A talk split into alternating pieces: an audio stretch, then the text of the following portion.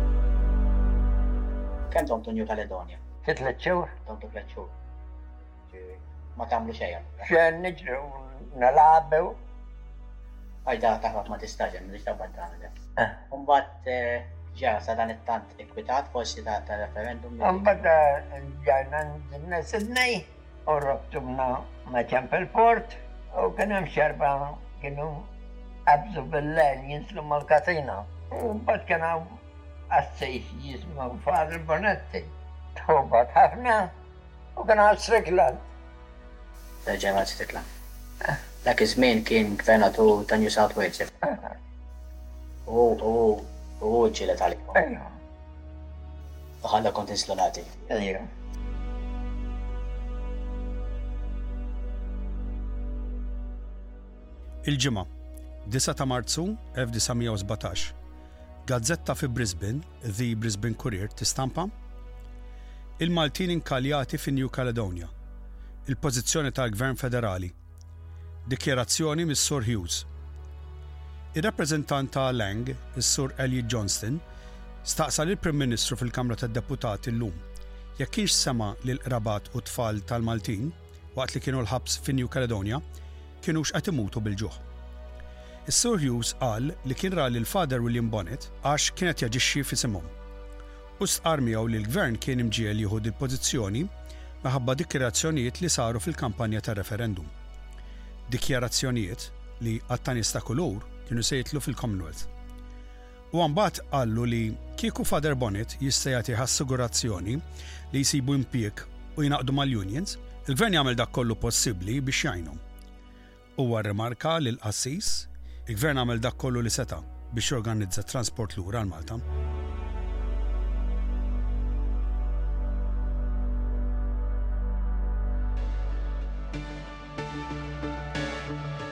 Hawnhekk tkompli l-episodju trandramatiku ta' dawn l-immigranti Maltin, l-aktar minn Għawdex, li ġew esklużi mill-Awstralja.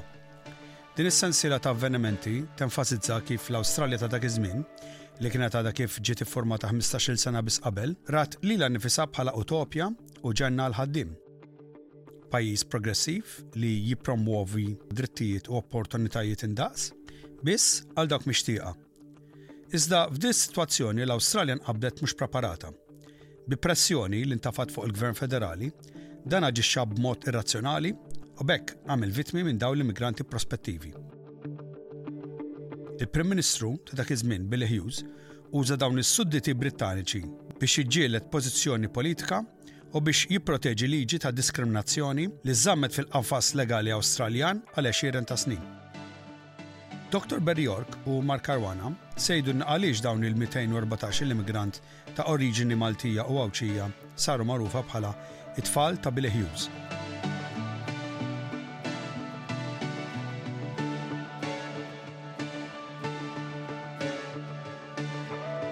L-Erbgħa, l-10 ta' Jannar 1917.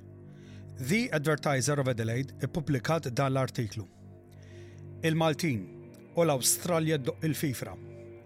Ma ttieħdet l-ebda deċiżjoni dwar x'għandu jsir mal-200 Maltin li ġew rrifjutati l-inżul fil-pajjiż meta ġew l-Awstralja waqt li kienet għaddejja l-kampanja tar-referendum. Dawn imbagħad ittieħdu New Caledonia. Peress li kien hemm xi diffikultajiet dwar ir-ripatrijazzjoni tagħhom, U daw il-Maltin huma sudditi Brittaniċi, il-Gvern Federali qed itella' kont sustanzjali għall-manteniment tagħhom. Issa allura la martu New Caledonia, domtu xejn hemmhekk Caledonia. New Caledonia. Dimna ma nistax ngħidlek kemm żmien. Imma x'kontu tagħmlu allura hemmhekk? Jiena ma kien nagħmel xejn. Kien hemm xi Maltin li kienu jaħdmu? Kien hemm ftit Maltin imma n-numru kien żgħir. jaħdmu fi fraktri tal-armi tal-hemm fejn kienu l-foundry hemm jagħmlu l-mizzar din. Allura, allura kif domtu New Caledonia, kontu tinżlu l-art intkom, kellkom libertà? Kellna l-freedom kollha. Kellkom il-libertà kollha. Il-libertà kollha, morru fejn irridu u ħadd qatt ma Ma tistgħux tmorru hemm. Huma qalu n-nies li nistgħu mmorru fejn irridu, imma kulħadd imur fejn irid, min imur 'l hemm, min imur 'l hemm. Fejn kontu torqdu allura? Fl-art.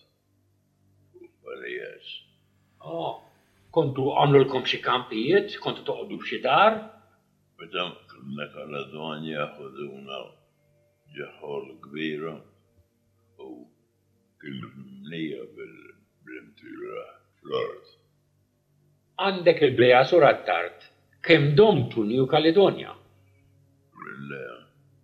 Bejn wieħed u ieħor. Żommtu twin twin. F'din l-intervista li Emmanuel Attard għamel ma' Frank Falzon, dan jispjega kif xi Maltin sabu l-impjieg fi New Caledonia. Iżda fis-Sydney Morning Herald ta' Tlieta sittax ta' Jannar 1917 deher dan.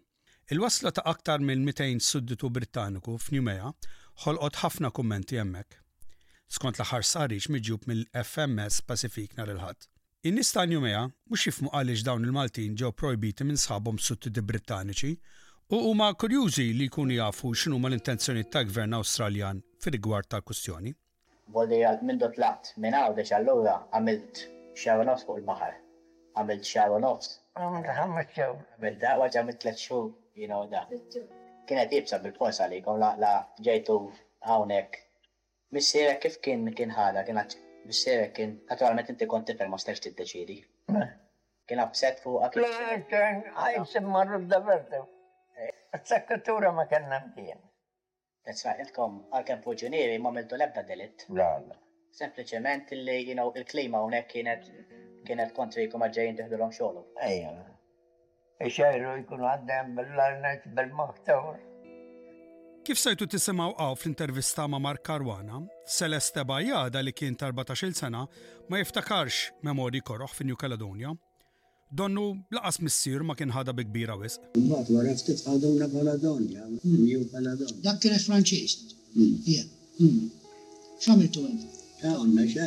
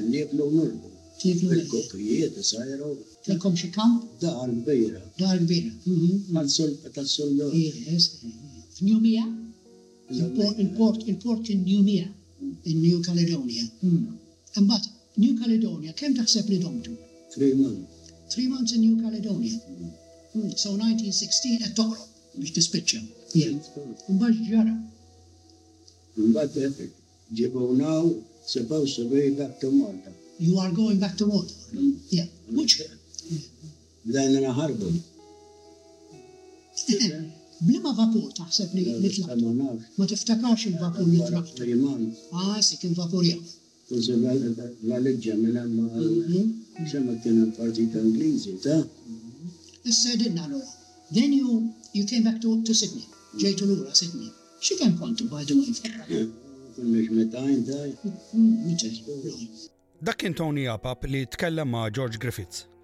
Permezz li Tony kien eh, New Caledonia, da ma kienx jaf li kien hemm pressjonijiet irmuntati biex il-Maltin jinġabu lura l-Awstralja.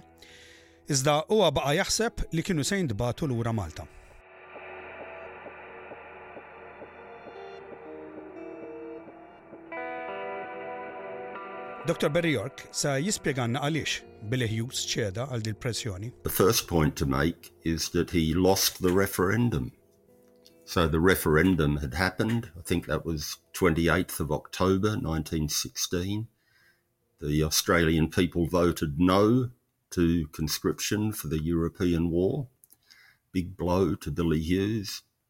He then, with his tail between his legs, sort of uh, left the Labor Party and set up the uh, Nationalist Party.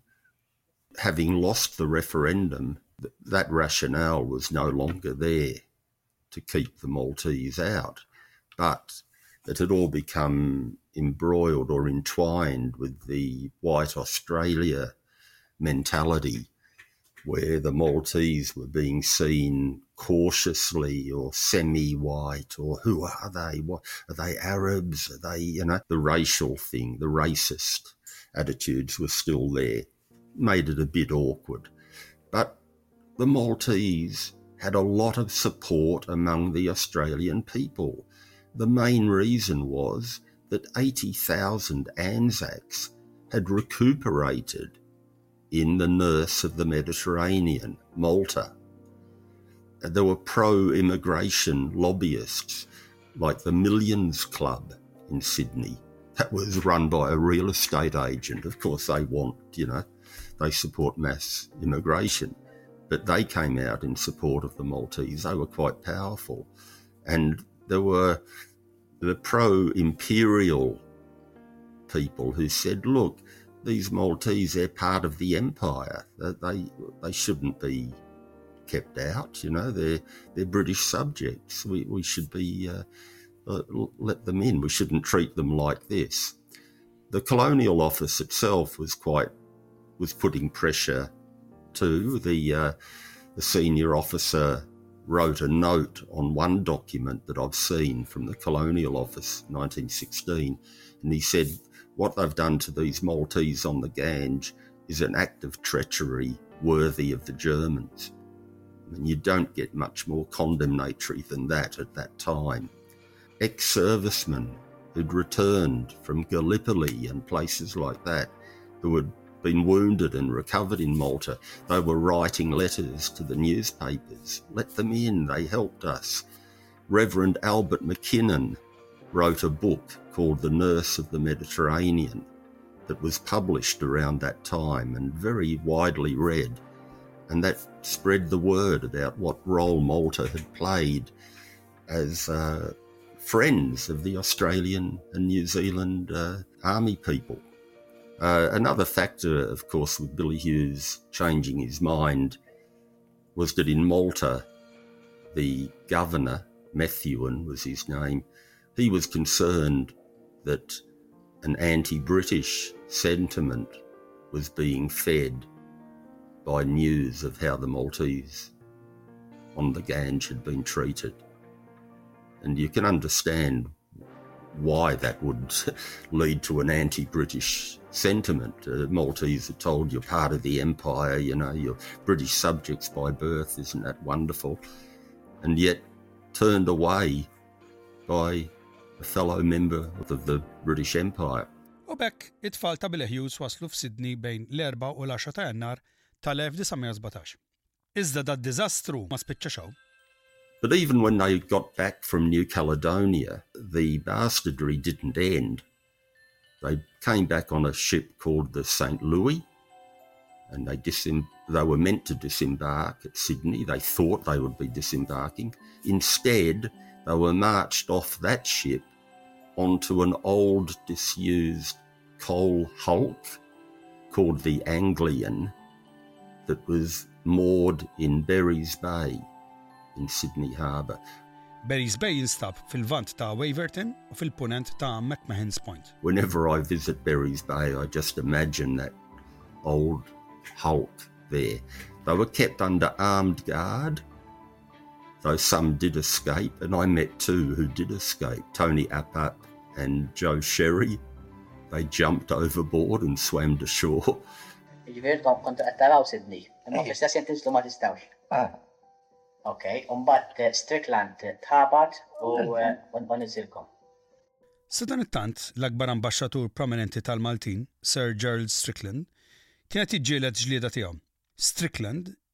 Inħatar gvernatur fl-1913 għax fin-New South Wales kien hemm xi nuqqas ta' qbil reliġjuż. Huwa kien maħsub li gvernatur Kattolku Ingliż ikun l-aħjar persuna biex jikkontrolla dit-tensjoni reliġjuża. Iżda il-politika u mhux ir-reliġjon kellha ġġib in-nuqqas fil-qbil. Għall-ewwel, Sir Strickland kellu xi xkiel mill-Gvernatur Ġenerali ta' dak iż-żmien, Sir Ronald Munro Ferguson. Dan sostna li jsib il-ħsieb ta' Strickland għal kollox Makjaveljan wisq għall-kopulazzjoni ordinarja. Makjaveljan ifisser inġenjuż, jaħdem minn taħt u bla skrupli. Iżda kien f'Mejju tal-1916 li Strickland xerref Dufreh l-aktar. Dan sar meta kkritika lill-Premier ta' New South Wales, Willian Holman, dwar it-tapar se rriżenja mill-Kummissjoni tiegħu biex jevita vot ta' ċensura fil-konferenza tal-politka tal-Labour. Huwa fakkru li riżenja mill-kariga kienet fisser riżenja quddiem il-Gvernatur, mhux fil-konferenza jew fil-kawkus tal-partit. Tajjeb ngħid hawn li filwaqt li dawn l-interventu kienu ġew ittollerati f'Tasmania jew f'Nestern Australia, fejn Strickland kien gvernatur qabel, fi New South Wales dawn il-kummenti ma kinux apprezzati. Għalkemm Holman tkeċċa minn mexxej ta' Partit Laburista minħabba fil-pożizzjoni tiegħu favur il-lieva, huwa beda jinnegozja gvern ta' koalizzjoni ma' Sir Charles Wade, li kien il-kap tal-Oppożizzjoni fil-Parlament tal-Istat ta' New South Wales. Strickland wissa li hu ma setax ikompli jagħmel negozju miegħu. Billi talab se jfisser fis-sustanza r-ritorn tal-kummissjoni ta' Holman, Strickland qajjem rabja fost il-partitarji ta' Holman. Filwaqt li l-għan ta' Strickland kien biex jissalvagwardja l-eletturi kontra gvern li qatt ma kien irċieva l-approvazzjoni popolari, L-appelli lil Downing Street irriżultaw li l-Gvernatur jirċievi ċanfira tniggez. Imbagħad, l-Uffiċċju Kolonjali ordna lil Strickland biex jagħti l-kunsens tiegħu għall-abbozz ta' liġi tal-Gvern Nazzjonalist biex itawwal il-ħajja tal-Parlament. Sadanittant, l-ispejjeż biex iżommu l-Maltin u l-Għawdxin b'għassa kontinwa fuq il-vapur maħruq bdew jirmuntaw mhux ħażin. Imbagħad inqalgħet spiża oħra ta' 4,050 lira sterlina li jiġu xi 380 elf dollaru Awstraljani tal-lum, li l-Gvern Federali kellu jħallas. Is-sidien tal-Ganj waħħlu fil-Gvern Awstraljan għad-dewmien li l-vapur ġarrab waqt li kien l-Awstralja. B'hekk, din l-esklużjoni ma baqgħetx tagħmel sens finanzjarju. Allura, wara dak kollu li kien għaddej, u bi Strickland fl-inkwiet, dan kien f'pożizzjoni li jgħin lill-Maltin li kienu maqfulin f'Berries Bay? Strickland kien imperjalista u ried li l-emigrazzjoni ma tkunx fl-Afrika ta' fuq, Tunis, l-Alġerija, l-Eġittu, ried li jmorru fl-Imperu Ingliż. Kellu dik iċ-ċerta dispożizzjoni li jiffavorixxi l-emigrazzjoni għall-kolonji. Dejjem għen eh, milli qaluli u jfaħruh, però diffiċli jissib xi ħaġa bil-miktub il għaliex naturalment u kien irid joqgħod attentu. U dan vera kien jitkellem bil-Malti? Jiena ma nafx, però intervistajt wieħed mill-Mosta u tala jaħdem Broken Hill. U meta kien Broken Hill sema xinis illi għaw il-gvernatur ta' New South Wales li hu Malti. Naturalment interessa ruħu u mar jisimaw kien għamel meeting Broken Hill. U dan, insomma, norat xikluna bil-mosta. Daġi fuq l-Arabja, dak il-vapur li tħalla jinżel. Għalli li tkellem bil-Malti, pero Malti mfarrak. Eh, Malti tiegħu ma kienx jiġi sot, Malti mfarrak. U jiftaka għallom jekk ikolkom bżonn ġibu xaħat mill-familja, ejjew għarawni. Jiġifieri, evidenza żgħira li kien jgħinu jiġifieri. Saqsejna lil Mark Caruana x'rwol kellu Father Bonnet f'din l-istorja orrendi. Well, milli nista' nifhem jiena, Father Bonnet ġie mqabbad mill-awtoritajiet Awstraljani bħala interpretu, għax biċċa kbira ma kinux jafu bl-Ingliż u biex jaraw eh, xi jridu dal-Maltin imorrux lura Jew jibqgħux hawn. Insomma, wara dan kollu u ħafna pressjonijiet minn Father William Bonnitt u l-influwenza ta' Strickland, Hughes ċeda għal kollox u ħalla lill-Maltin jitlu l-Awstralja bil-kundizzjoni li jitlu f'impjieg u jingħaqdu mal-unions. Infatti, sal-aħħar ta' April tal-1917, waqt li Strickland kien sejjer Malta, il-Maltin daħlu fil-pajjiż u bdew ħajjithom bħala ċittadini ġodda.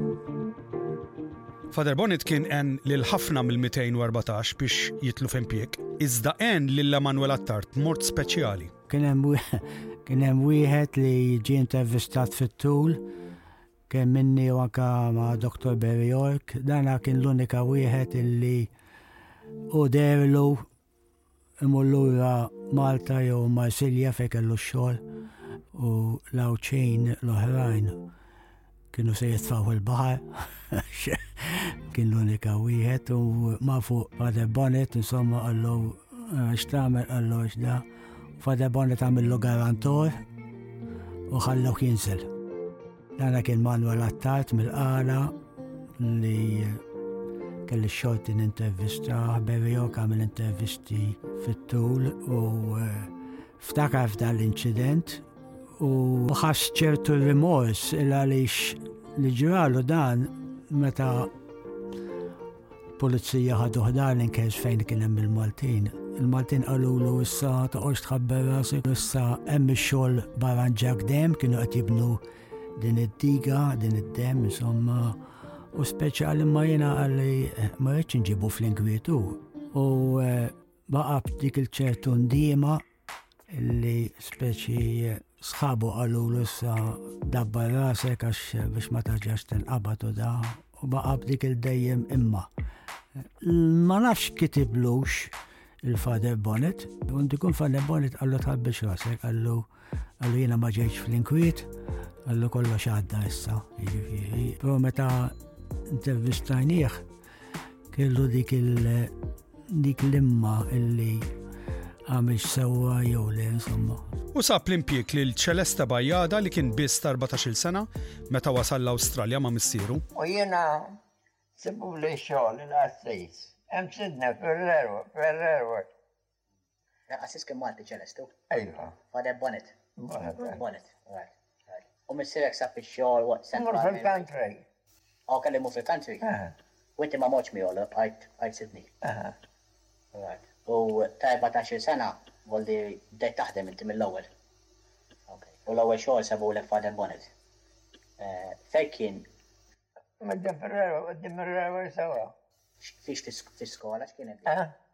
Skola kienet teacher? Le, shop. Oh, I see, kont isu shop assistant għall-ewwel tiegħi. U li dak l-ewwel xogħol tiegħek. Imma ma stajċ ma nistaqsix li riċerkaturi tal-istorja kif dawn se jibqgħu miftakra it-tfal ta' Billy Hughes. Well, I hope it is remembered and thank you. I'm so glad that you're doing this podcast. That helps remind people. of what happened. You know, there've been a few songs written about that incident uh, in the Maltese community. The people who are interested in the story of the Maltese in Australia, I think, uh, you know, they they do what they can to keep it in the memory of people. I don't know about Malta, whether there's much interest in it in Malta.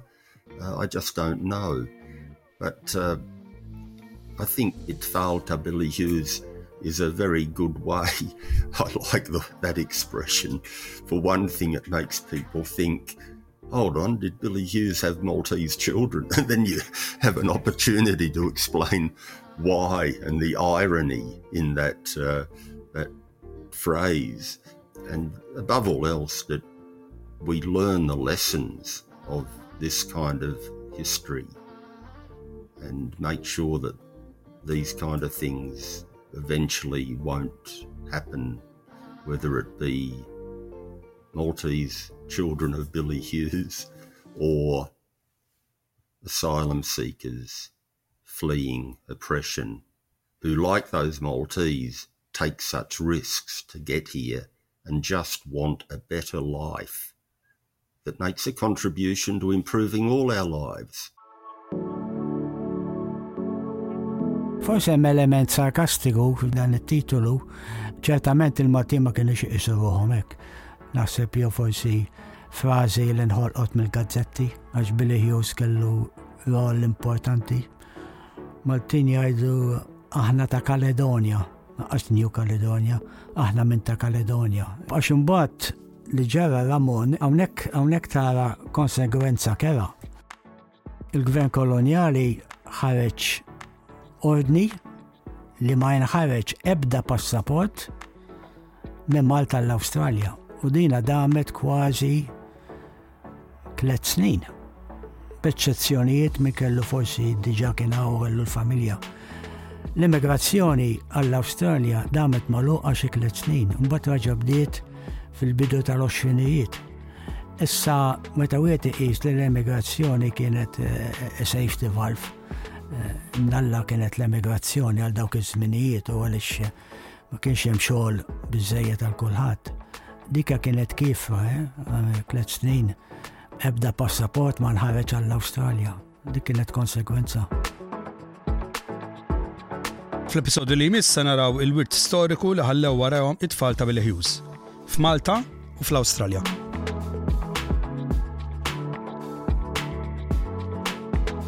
F'dal episodju smajna l-vuċi ta' Emanuel Attard, Tony Apap, Celeste Bajjada, li kollha kienu ma' dawk il-214 Malti u Għawdxi li ġew esklużi mill-Awstralja meta waslu fuq il-Ganġ.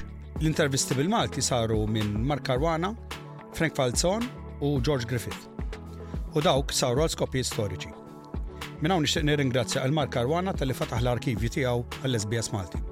Nixtieq ukoll nirringrazzja lill-produttur eżekutiv ta' dan il-programm, Ġew għaxaq ta' sapport kontinwu li dejjem ura miegħi.